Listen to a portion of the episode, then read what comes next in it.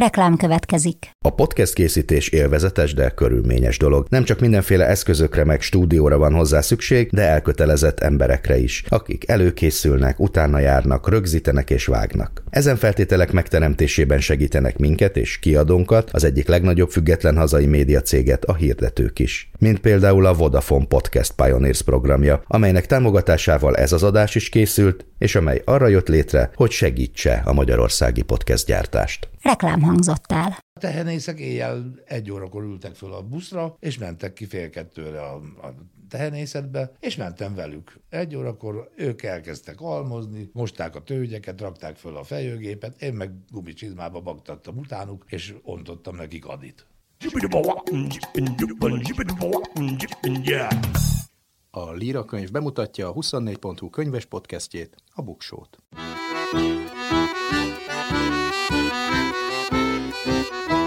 Ez itt a Buksó, olvasásról, könyvekről, mindenféle jóról. Én Nyári Krisztián vagyok.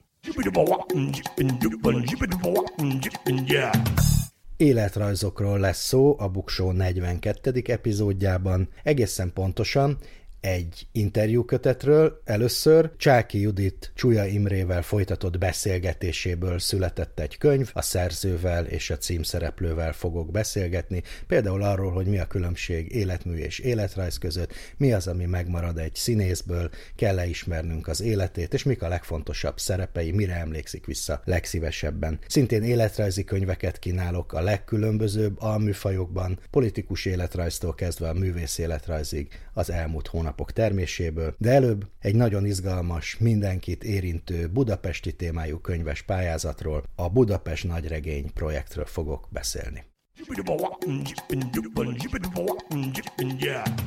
Száz év magány. Számok a sorok között, érdekes adatok a könyvek világából. Jövőre, azaz 2023-ban ünnepeljük Pest-Buda és Óbuda egyesítésének 150. évfordulóját, amelynek kapcsán rengeteg kulturális, meg egyéb programmal készül a főváros, meg a budapesti kerületek, és ennek egy része könyves projekt, mégpedig a Könyvfőváros program. Ennek az eredeti programja egy nemzetközi könyvfőváros cím pályázata lett volna, amit aztán nem Budapest, hanem egy afrikai város Akra nyert el, de annyiféle remek programot előkészítettek a Szabó Ervin könyvtár szakemberei, hogy úgy döntöttek, hogy enélkül a nemzetközi cím nélkül is megvalósítják. Ennek a könyvfőváros programnak az egyik legizgalmasabb alprogramja az úgynevezett Budapest nagyregény, amihez most egy pályázat is kapcsolódik. A mottója egy Eszterházi Péter idézet, Budapest formáját az adja meg, hogy milyen hangulatban van, aki nézi. Gyere, gyere, bárki is csinálj egy Budapestet. Tehát ez a mottója ennek a könyvfőváros programnak, amit most a Budapest Brand ZRT és a fővárosi Szabó Ervin könyvtár valósít meg, és közös alkotásra hívják a budapestieket, meg bárki mást, akit szereti Budapestet. Abból indulnak, hogy mindenkinek van egy fővároshoz kapcsolódó személyes vagy családi története, ezeket gyűjtik össze és osztják meg változatos formában, írásban, előadás formájában, interneten, jelenetben, illetve egy nagyon izgalmas megvalósítási formában is. A beérkezett történeteket ugyanis kiválogatja egy szerkesztőbizottság, aztán 23 kortárs írót felkérnek, hogy ezeket inspiráció forrásként használják, és az egyes kerületek fejezeteiből álló Budapest nagyregényt ezek segítségével alkossák meg. Olyan írók vesznek részt a közös alkotásban, mint mondjuk Csernaszabó András, Dragomán György, Mánványhergyi Réka és Tompa Andrea. A történeteket 2023. január 31-éig lehet beküldeni a www.budapestkönyvfőváros.hu oldalon a megfelelő linkkel. Szóval 23 fejezet fog 2023 őszére összeállni. Ugyanakkor ez a másfél éves program legalábbis a szervezők szerint túlnő a kötet keretein. Célja, hogy a főváros elmúlt 150 évét történeteken, kerületi legendákon keresztül a város lakóinak bevonásával gyűjtse össze, mesélje el és jelenítse meg. Ehhez pedig az irodalmat, mint közvetítő eszközt veszi alapul. A könyv megjelenését kerületi, összművészeti, kulturális, történetgyűjtő rendezvények előzik meg, a bemutatás után pedig társművészeti feldolgozások formájában élnek tovább, tehát nem csak könyvbe kerülnek a történetek, hanem minden egyéb módon látható lesz. A Budapest nagyregény, ahogy írják, egy felhő, adattár, kulturális agúra. Aztán meglátjuk, hogy mi lesz belőle, de nagyon izgalmasan hangzik. Minden esetre Könyv formájában is megjelenik majd, a tervek szerint 2023. november 17-én a főváros egyesítésének 150. évfordulóján, tehát 23 felkért kortársíró írja meg, de a beküldött szövegeknek a felhasználásába valamilyen módon a 150 éves város egyfajta írásos szellemi emlékművét megalkotva. Bárki beküldheti névvel vagy névtelenül, de nem szeretne, hogy a nevére hivatkozzanak, akkor erre külön hívja fel a figyelmet, de ez mind le van írva a könyvfővárosnak a már idézett honlapján, tehát a www.könyvfőváros.hu, és ezen kívül is számos könyves programmal készülnek, kiadóknak, illetve civil szervezeteknek a könyves terveit támogatják pályázati formában, érdemes figyelni, mert lesznek is még pályázatok meg. Voltak is már például megvalósulás előtt áll egy könyvsziget nevű program, aminek a fő szintere az egykori szikvízüzem palackozó a Margit szigeten, a mai nevén Kristály szintér, van könyvhíd elnevezésű program is, tehát a Szabó Ervin könyvtár meg a könyvfőváros honlapon lehet keresgélni, és jó pályázást kívánok! Könyvembereink Csáki Judit és Csúlya Imre. Mai vendégeim Csáki Judit és Csúlya Imre abból az alkalomból, hogy megjelent az Imi ne csináld egy nyár Csúlya Imrével című beszélgető könyv Csúlya Imréről. Miért ez a címe? Sokat gondolkodtunk rajta, én is sokat, rengeteg ötletünk volt, és mindet jól el is dobáltuk. És tulajdonképpen ezt én Mácsai Páltól, az örkény igazgatójától loptam, aki, mert úgy éreztem, hogy nagyon mélyen jellemzi az imit, akiben nagyon nagy a teljesíteni akarás, a megfelelési kényszer és sok minden, ezzel még nem sokat mondtam el a könyvből, és azt mondta a Mácsai, hogy amikor rendezi, akkor az instrukciói 90%-a abból áll, hogy Imi, ne csináld, nem, csak legyél. Imi, ne csináld, ne csináld, mert Iminek mindig ötletei vannak. Ezer és egy. Ezt a könyvben megszólaló kollégája Bíró Kriszta is elmondta, hogy állandóan jön valamivel, és akkor a mácsai, Imi, ne csináld, ezért. Megnéztem egyébként, hogy te mit írtál korábban Csúlya Imréről, és nagyon meglepett, hogy nem olyan nagyon sokat. Két mondatot felolvasok két teljesen eltérő időpontban eltérő darabról. Csúlya Imre egy kamionsofőrt játszik, de legalább az elejétől a végéig nagy marha ember olyan idiotisztikusan balek ezt a Bodó Vinnai féle motel. Motel, igen. Motelről írtad 20 évvel ezelőtt. Akkor még egyet. Csúlya Imre Tóth tűzoltója a sisakot kezdettől fogva viseli, fekete-fehér smokingjához, nagy darab béketűrés alig vehető észre, amikor elveszíti. Szóval, hogy amikor írsz róla, egy képet festesz föl Csúlya Imréről. Másoknál, azt megnéztem, hogy másoknál így van, de nem feltétlenül. Tehát, hogy valahogy amikor kritikákat írtál róla, akkor mindig egy fotó volt az a, az a kritika. Te emlékszel, Imre, hogy mikor hallottál először Csáki Juditról? Nem arra emlékszem, amikor hallottam, hogy mikor találkoztam vele először. Pécsi kezdőszínész voltam, és nem is tudom, vagy előadásra jöttél, vagy pre- premierre, már nem emlékszem. Nem tudom. Na mindegy, de szóval ünnepi hangulat volt, mert nagyon friss volt az előadás. Kb. 30 éve. Hát Nagyjából. 85, Igen, körülbelül. 85-ben. Tehát te is kezdő voltál, én is kezdő voltam. Azt nem Igen. tudtam, hogy te kezdő voltál akkor még. Csak sok durvaságot írtam ezt. Na és akkor utána megvárt minket a Judit, mert ők már akkor jó barátságban voltak a Langgyörgyékkel, meg a többiekkel, azzal az osztályjal, és a Balikó Tamáshoz fölmentünk egy kicsit bulizgatni, beszélgetni, és ott találkoztunk először. És akkor olvastam először az ő könyvét, talán az első között volt a színészportrék között a Szilágyi Tiborról, minden- annak a könyvnek a Szilágyi Tibor személy száma volt a címe. és az fontos könyv És volt. erről nyilatkoztál is egyébként Hogyne. régebben. Azt mondtad, hogy pályakezdő voltam, amikor megjelent Csáki Judit életrajzi könyve Szilágyi Tiborról. Abban olvastam, hogy egy fiatal színésznek kísérleteznie kell, el kell fogadni a különböző kihívásokat, és megfogadtam ezt a tanácsot. Kritikáját, azt utána kezdted el olvasni, már hogy írásait Juditnak, amikor már ismertétek egymást, vagy akár előtte is? Én azt, úgy emlékszem, hogy én minden kritikát elolvastam, nyilván köztük a tiédet is.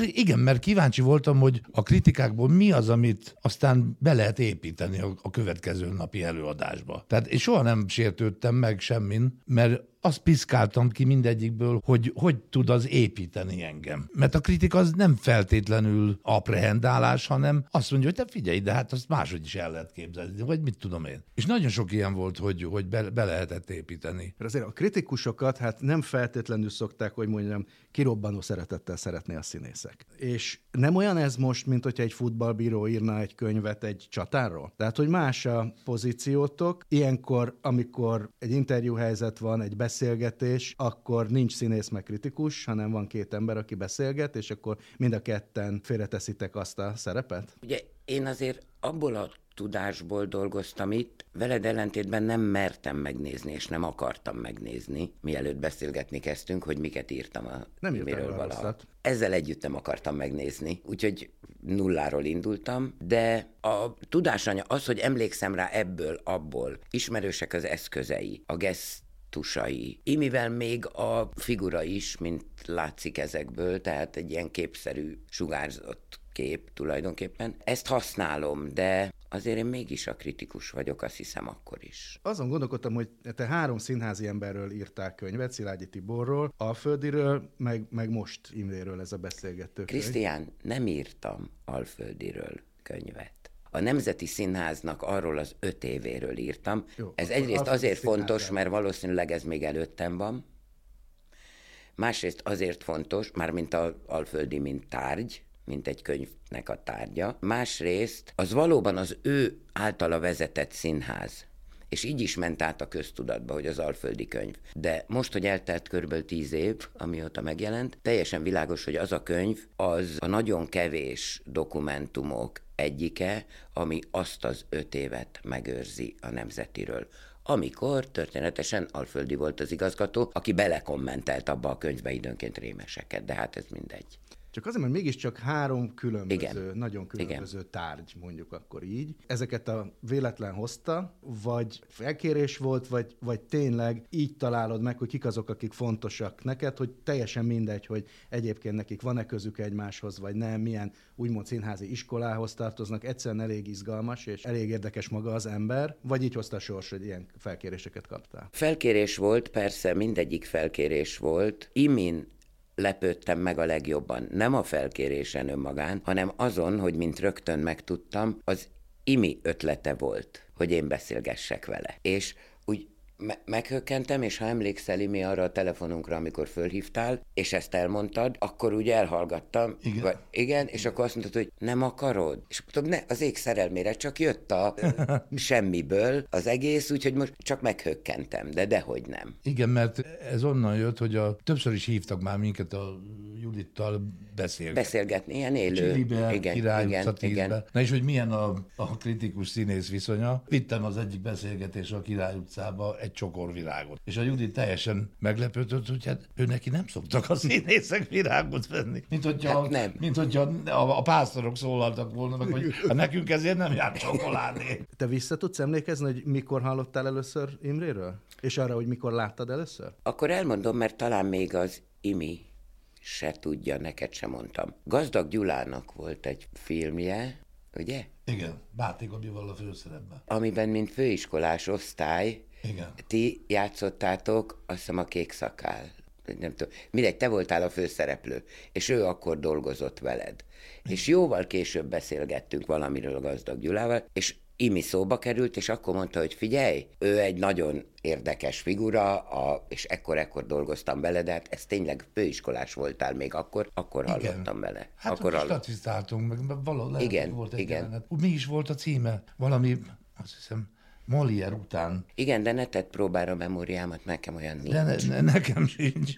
Ugye ennek a könyvnek, a- most is hallatszott, az a legnagyobb erénye, hogy olyan, mint egy baráti beszélgetés, de közben nem válik benfenteskedővé. Hogy zajlott a munka, hogy nem időrendben van, a, tehát nem végigmész az elejétől a végéig Imre pályáján, hanem így kicsit ugráltok, kicsit témák vannak kijelölve. Ez is olyan, mint hogyha ezek ilyen baráti beszélgetések lennének, de tudom, hogy ami nagyon úgy tűnik, mint hogyha spontán lenne, abban azért nagyon sok munka van. Szóval ez hogy történt? Eljött a Judit egy előadás Tihanyba, egy önálló estemre. Igen, Jóval az volt az első beszélgetés. Érkeztünk, Igen. és éhes volt, evett egy levest, ott egy nagyon jó kis, kis ebédlő, vagy étterem volt, és abban volt egy ilyen kedves kis zug, oda letette a mikrofonját, vagy a telefonját, és elkezdtünk beszélgetni. És én meg bevallom őszintén, hogy én nem szoktam meghatódni, de amikor az első kéziratot odaadta nekem, ak- akkor, akkor meghatódtam. Nem azon, hogy mit mondtam, hanem azon, ahogy ő ezt rendszerbe rakta egyszer csak. Tehát ömlesztve kapott valamit, és ő azt szépen szétszálaszta. Igen, kitaláltam én előre, ahogy ezt rendesen illik, miután ugye megnéztem mindent, elolvastam mindent, amiről felvétel volt, azt is megnéztem, akkor is, ha láttam. Tehát előtte volt egy elég hosszas fölkészülés, és nyáron zajlott maga a beszélgetés, és én szépen kitaláltam, hogy erről beszélgetünk, arról beszélgetünk, film, színás, stb. Aztán kiderült, hogy bármiről beszélgetünk, megyünk össze-vissza. És az állandó visszatérő vonása ezeknek a beszélgetéseknek az volt, hogy mindig rengeteg ember szóba került, akik imi körül voltak. Kollégák, színházi emberek, és akkor láttam, hogy ez nem fog így menni, hogy születtem, mint egészen kisgyermek, és akkor elérünk a máig, valamint ezt én is unom, ezeket a beszélgetős könyveket. Azt mondtad, hogy megnéztél mindent, meg hát amúgy is kritikusként elég gyakran látod Imrét, ismeritek egymást. Most a könyvírása alatt változott róla a véleményed bármiben? Tudod, mi jött hozzá? Az, hogy, hogy Imi rettenetesen jó ember. Amit ugye nem voltunk olyan, tehát nem töltöttünk olyan sok magánidőt, színházon kívüli időt együtt, hogy ezt az ember megtapasztalja. És itt ezen a nyáron egyébként a Balaton két oldalán beszélgettünk, a délin meg az északin, hol mi jött a kompalát, és akkor a Káli medencébe, hol én mentem át, és akkor délen, a déli partnál. Ez önmagában is jó volt. Tudod, nyár, napsütés, meleg, komp, Balaton, gyönyörű, isteni kaják, isteni minden, és akkor úgy kiderült, hogy minden, ami körülötte van, az ilyen meleg és jó. Fogsz róla tudni írni szigorú kritikát? Igen. Ezt sokan nem hiszik el, de azok a színészek, akikkel jóba vagyok, azok már tudják. Néhány barátságom tönkrement ezen. Amikor az ember előadást néz, és főként amikor utána a kompjúternél ül, akkor lehámlik minden. De egy... Bocsánat, elveszett illúziók. Elveszett. Ja, a gazdag film. film igen, igen mindig az a kérdés, amikor egy művész pályájáról van szó, és itt most teljesen mindegy, hogy színész, író, zeneszerző, bármi, hogy hogyan mutatja meg a, az író, vagy, vagy ketten együtt, ha beszélgetésről van szó, hogy van egy életmű, meg van egy életrajz. Tehát, hogy a színész esetében ez szerepek összessége, a, az ember viszont érdekli a közönséget nagyon is. Előre elterveztétek, hogy ezt az egyensúlyt hogy teremtitek meg, vagy egyszerűen csak meglett? Hát én szerintem egyszerűen csak dőlt belőlem Ja, a igen, belőle... 62 éves vagyok, van mire emlékezni. És ez egyszer csak a Judit rám nézett, és elkezdtem mondani, amit arra válasz, amit, amit ő kérdezett. Jó, lett egy bizalom. Kérdés. Egy, ez egy bizalmi dolog. Igen, igen, igen. igen, de ez tényleg bizalmi igen. dolog, és nem teljesen spontán, hanem nagyon át kellett gondolni, hogy mit, hogyan. Szerintem Imre esetében van egy csábítás, hogy nagyon elmenjen anekdotikus irányba, és ott érzem, hogy, hogy mindig, amikor Persze teret engedtek ennek a játékosságnak is, de aztán utána mindig valami komoly dolog jön, hogy ne egyen hát fejen felszínes Igen, Igen. nem, nem a, ezeket a bulvár interjúkat sem szeretem, és azt sem szeretem, amikor megfordul a, az interjúvolónál, kibillen az egyensúly, és a privát emberből vezeti le az alkotásokat. Tehát most mindegy, hogy író vagy nem, tehát hogy amikor fontosabbá válik az, hogy amikor ő lejön a színpadról, akkor mit csinál. Azért abba is beleláthatunk, tehát hogy Abszolút, ezt a, azoknak igen. mondom, akik nem olvasták. Ugye vannak a könyvben ilyen anekdotikus történetek, és ezekből azért az derül ki, többször visszatértek erre, hogy az emberek többsége nem meglepetés a filmszerepeiddel azonosít elsőre. És idegesít ez téged, hogyha mondjuk rád kiabálnak az utcán, hogy, ahogy ott idéztétek, hogy Easy Rider polgármester úr? Vagy megszok megszoktad, vagy adottságnak tekinted? Én ezt jól tudom kezelni. Egyáltalán nem idegesít. Jól esik, hogyha az emberek meglátnak és mosolyognak és, és köszönnek, vagy így, vagy úgy. Régen úgy, hogy Easy Rider öcsém, ma már úgy, hogy Easy Rider polgármester úr, meg, meg hát sokféle szerepből kérik, hogy idézzek, közös fotó, stb. Soha nem ért engem atrocitás az utcai emberétől, a nézőktől. Mindig sok kedvességet kapok. És hát ezzel ez, ez engem miért bosszantana? Hogy válaszoljak a kérdésedre. Igen, éreztem, hogy ez egy picit ellefelé húz a mérleg, és akkor 12 évvel ezelőtt jött el az ideje annak, hogy mondom, akkor, akkor kiállunk egy komoly dologgal, miközben én azért nagyon komoly vaskos szerepeket játszom az Örkény Színházba, de akkor még fejeljük meg egy önálló estel. És így lett az Imi mondja egy verset, ami szó szerint elhangzott 5 éves koromban, amikor a idős emberek a szomszédba, ahol voltunk tanyázni, befejezték a plegykát, azt mondták, hogy Imi mondja egy verset. És nekem onnan indult ez az egész, hogy Imi mondja egy verset, és 12 évvel ezelőtt mondom, miért nem mondanál Imi egy verset? Vagy húszat? Igen, csak a a pályádnak a művészi csúcspontjai azok színházi szerepek, vagy, vagy akár versek, és közben pedig az, hogy te ma a Csúlya Imre vagy, az, mégsem, az mennyiben függetleníthető az üvegtigristől, a sorozatoktól. Nagyon leegyszerűsítve, az nem zavar, hogy, hogy van mögötted egy, egy óriási színházi teljesítmény, de az emberek többségének üvegtigris, meg torrentel, meg ilyesmi jut eszébe. Hát nézd, hát ez, ez egy sajátos helyzet Magyarországon, hogy a televízió többekhez eljut, mint egy színházi előadás. Most gondolj bele, sátorolja új helyről, nem biztos, hogy heti vagy havi rendszerességgel föl tudnak jönni Persze. a nézők az Örkény színházba, vagy bármelyik színházba. Nyilván e, jönnek innen is, onnan is,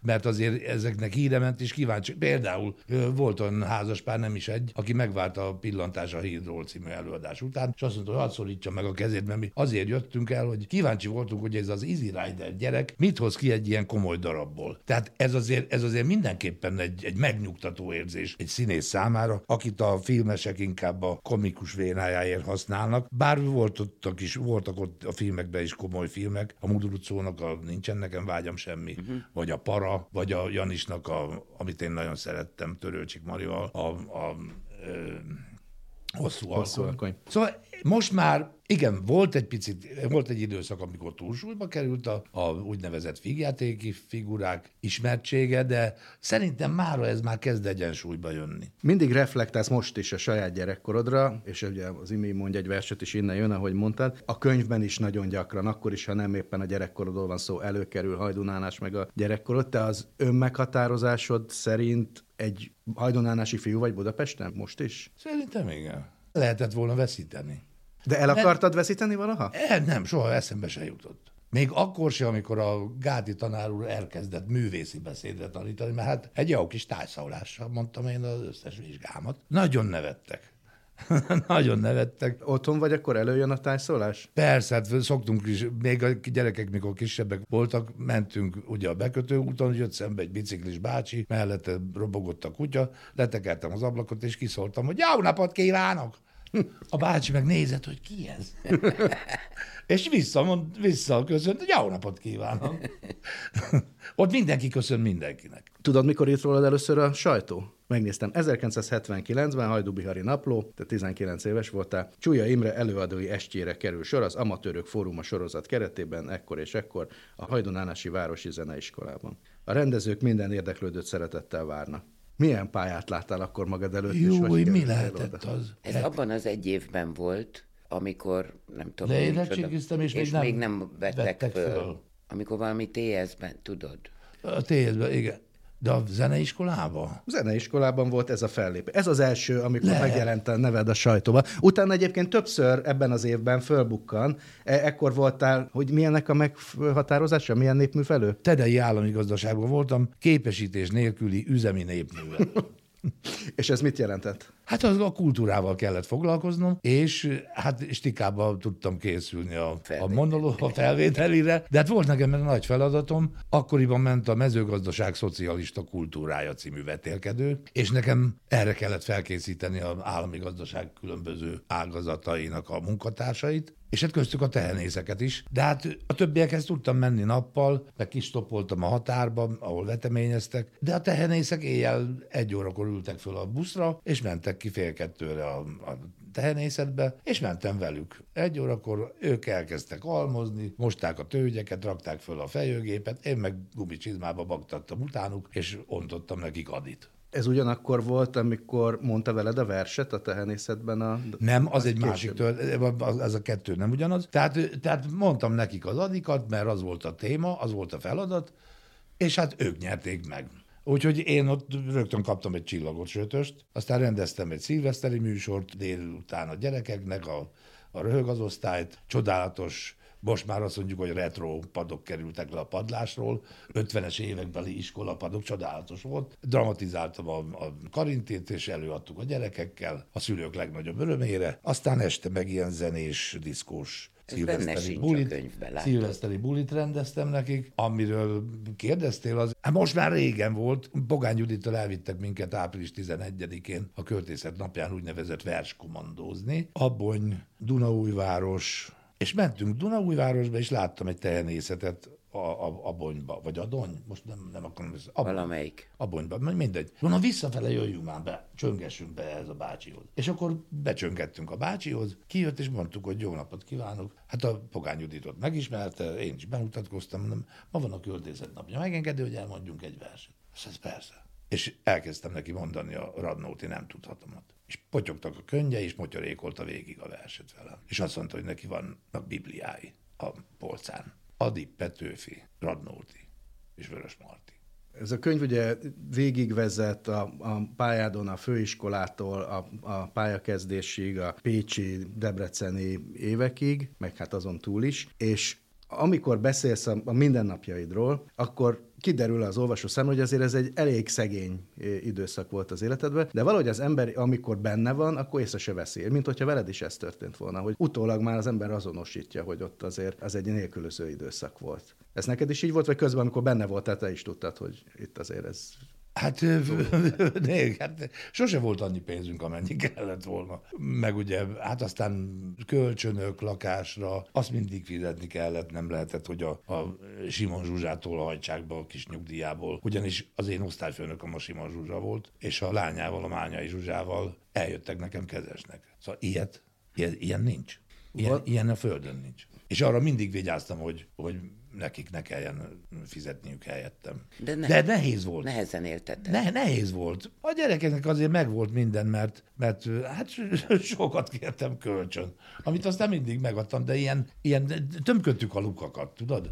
De az életnek menni kellett. Szóval nem, nem volt mese, nem állott meg, hogy jaj, jaj, de szegények vagyunk. Egy túrót akkor elmentem például főiskolásként a sírköveshez dolgozni, vagy Debrecenben. Azt úgy kell képzelni, hogy cipelted a köveket? Hogyne, persze, persze. Meg, meg, meg amikor lehetett, mentem szinkronba, akkor még nem volt telefonunk, fülkéből hívogattam a szinkron stúdiókat, hogy nincs-e holnapra valami meló. Nem estem kétségbe, azt gondoltam, hogy meg kell keresni, hogy a, a munka lehetőségeket, és azért is tanultam meg a szinkront, úgy, ahogy megtanultam, két évenbe került, mert, mert ha nem lesz deszka a talpam alatt, akkor valamiből toltartót kell venni a gyerekeknek. És a szinkron ehhez nagyba hozzásegített. Onnantól kezdve egy kicsit könnyebb volt már. Te mindig tudtad pályakezdőként is, hogy a pályád az jó irányba halad?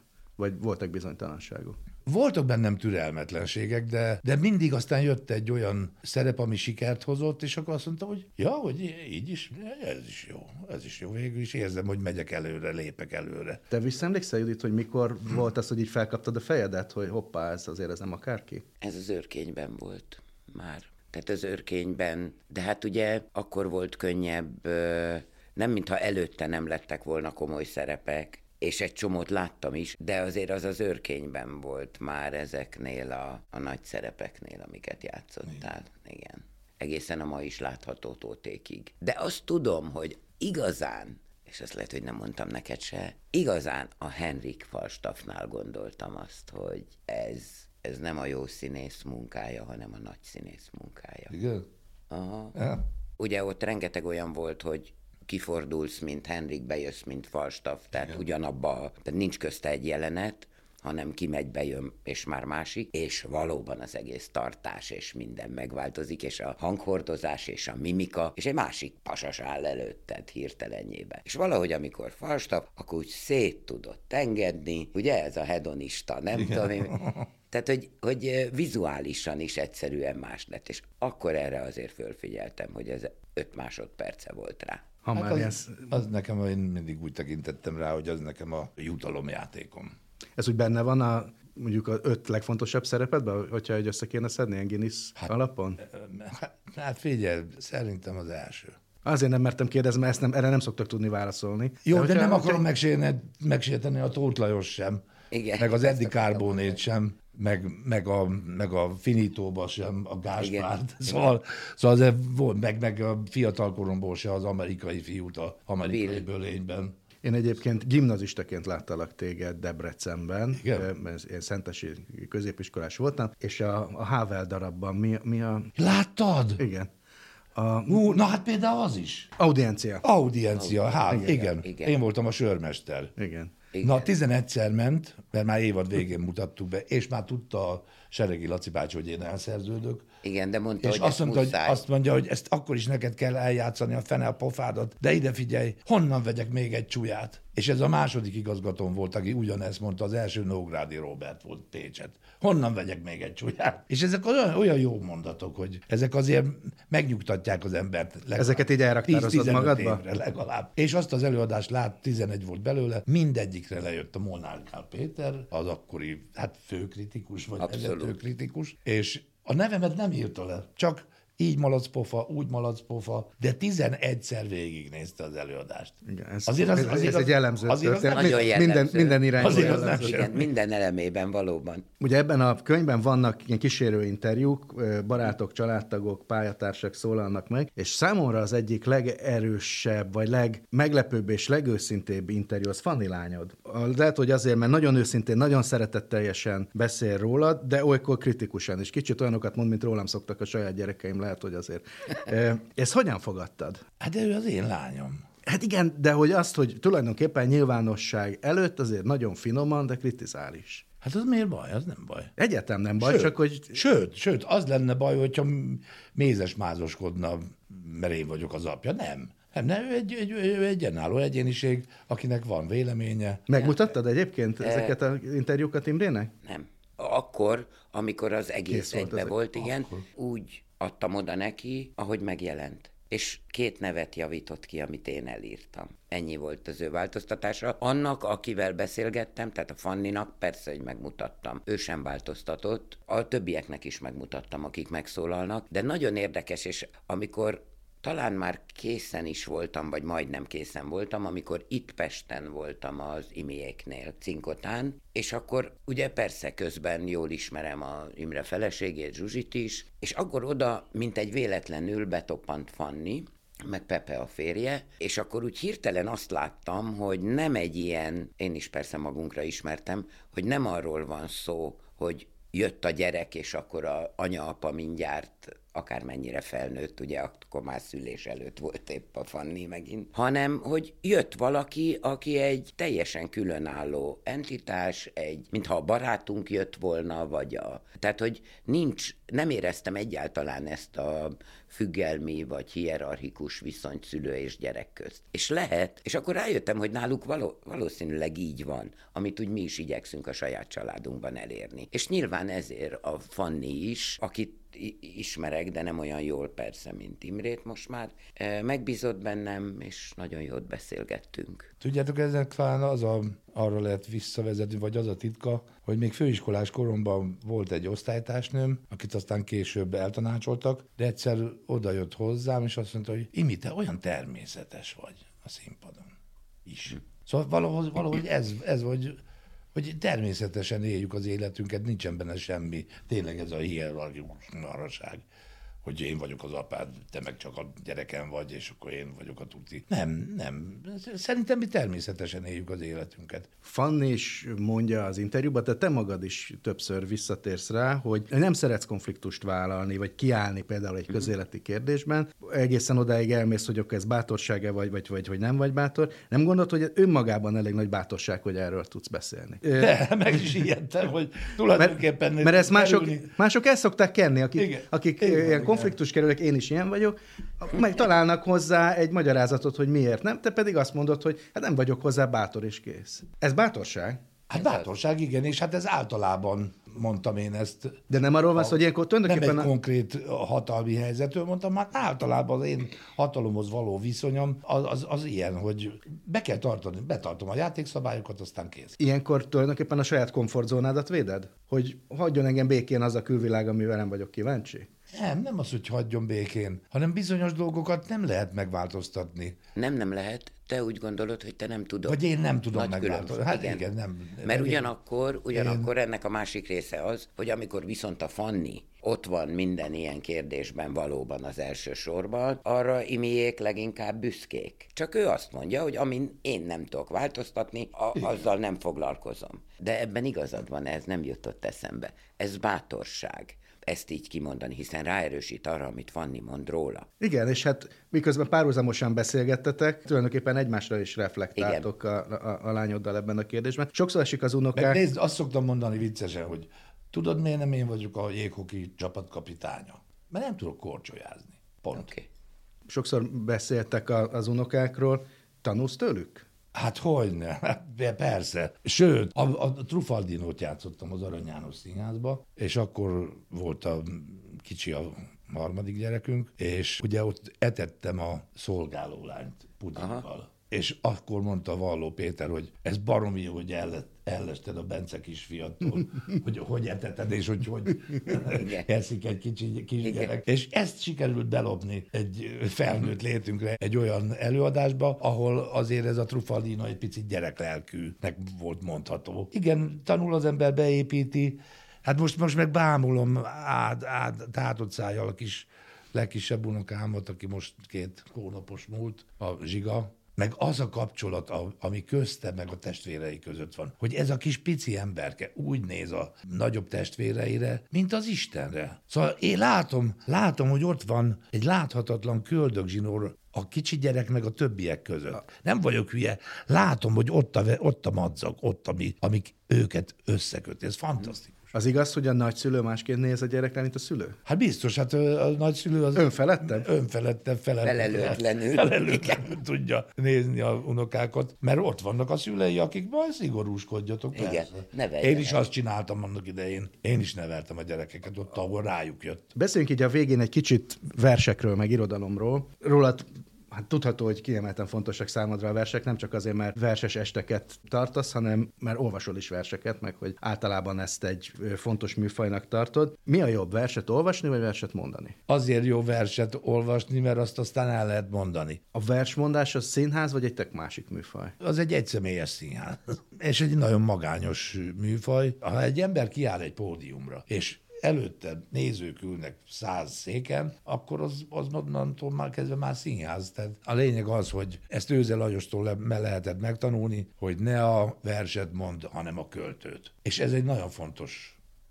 tanítás. Mert ha verset mondok, akkor az egy, az nem színház. Akkor az valami mesterkért szavalás, vagy nem is tudom micsoda. Ha költőt mondom, akkor az meg rögtön személyessé válik. De ahhoz ismerni kell akkor a költőt is. Nem csak azt az egy versét, nem? Hát persze, hát azért, azért nem egy verses ismerettség ez, Babicsal sem. Tudod, érdekes dolog ez, hogy Imre úgy mond verset, hogy ha a vers olyan, vagy a költő olyan, akkor nem is egyszerűen színház, hanem mint egy film. Tehát például a családi kört, azt úgy mondja, hogy látod magad előtt. Ha soha életedben nem jártál tanyán, vagy falun, akkor is látod magad előtt ott a ja. helyszínt és a mindent. A Jónás könyvét pedig, hát mint egy izgalmas thrillert úgy meséli el, és ráadásul ugye mindegyik figurát eljátsza, tehát vitatkozik, nem tudom. Úgyhogy igen, filmszínház. Az érdekelne még így a legvégén, ugye itt könyvekről szoktunk beszélgetni ebben a műsorban, most is ez történt, hogy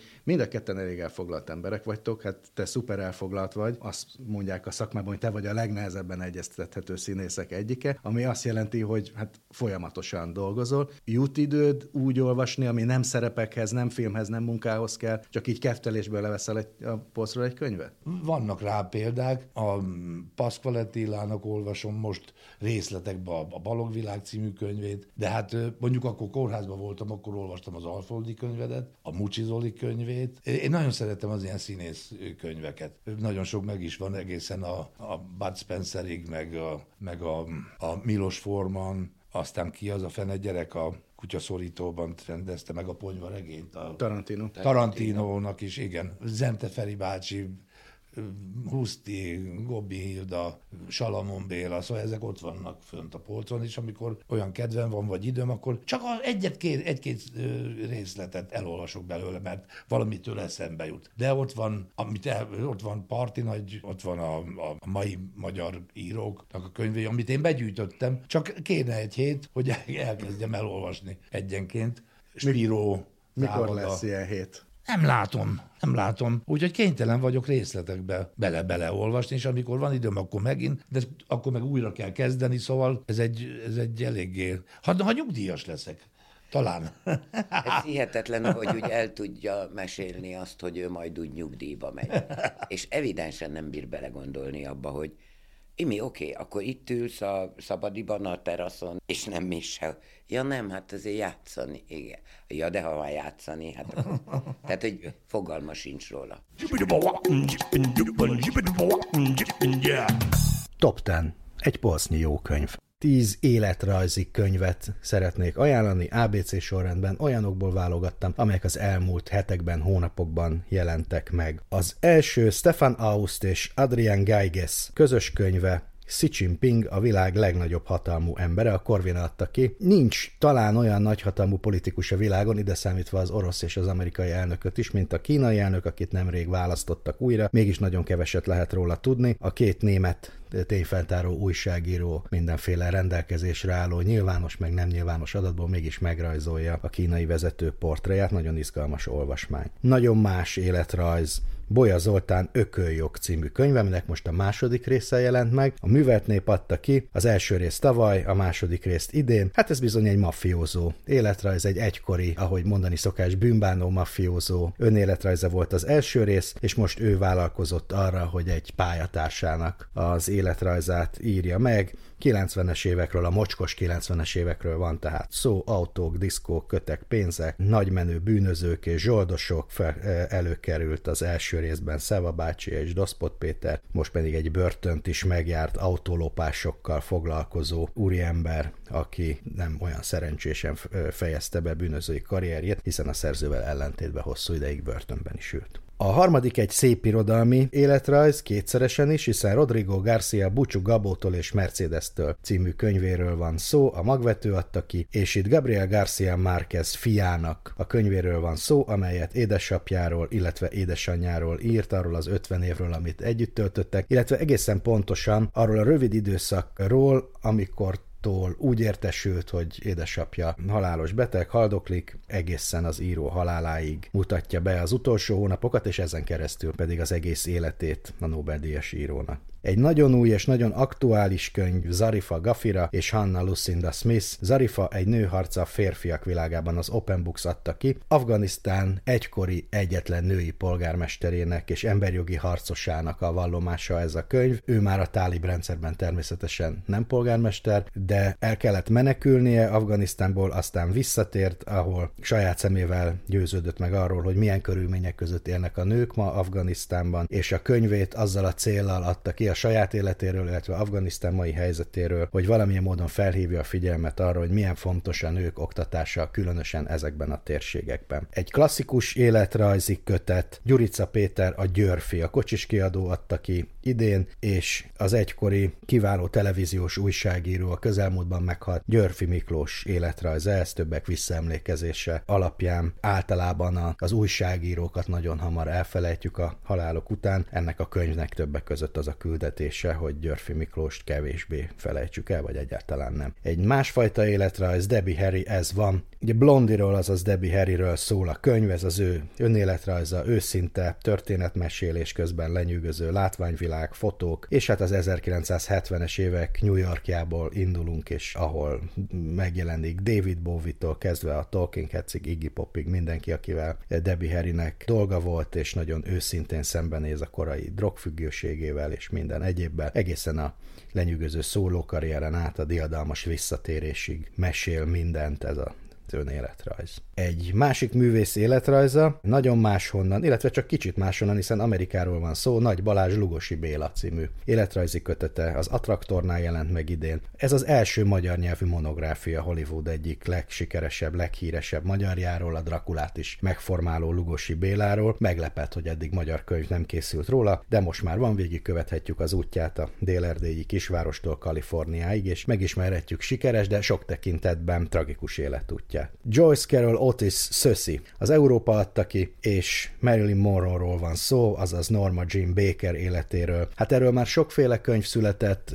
Marilyn Monroe életéről, de talán a, a jól ismert írónak ez a kicsit újraértelmezett nézőpontja valamit hozzátesz még ehhez a történethez, ez egy elég lírai hangú életrajz, és nem a sztárt, hanem az embert akarja megmutatni, a gyerekkorát, a nővé válásának nehéz sorsú időszakát. Ismét egy politikai életrajz, Geleger, Fenwick, Zelenszky és a vérző Ukrajna idén jelent meg a Korvinánál. Ha valaki arra vállalkozik, hogy most elmondja Volodymyr Zelenszky történetét, akkor azt tulajdonképpen csak úgy teheti meg, hogy egyúttal Ukrajna mai történetét is elmeséli, tehát azoknak ajánlom, akiket érdekli a most a szomszédunkban zajló háború, annak előzményei és az ukrán elnök személyisége. Végül pedig egy művész életrajz, vagyis hát önéletrajz, Ai Weiwei, Ezer év öröm és bánat, a jelenkor adta ki idén. Ai Weiwei a 21. század egyik legismertebb képzőművésze, aki Kínától az Egyesült Államokig jutott, illetve aztán visszakerült Kínába, őszintén és felkavaróan írja le ezt a visszatérést az önéletrajzába, hogy miképpen vált ismeretlen alkotóból világsztárá, aztán pedig nemzetközi emberi jogi aktivistává, és hogyan formálta művészetét az a totalitárius rendszer, amelyben élt. Úgyhogy tíz életrajz, és persze természetesen emellé Csáki Judit interjú kötetét is Csúlya Imrével ugyanúgy ajánljuk. Thank you.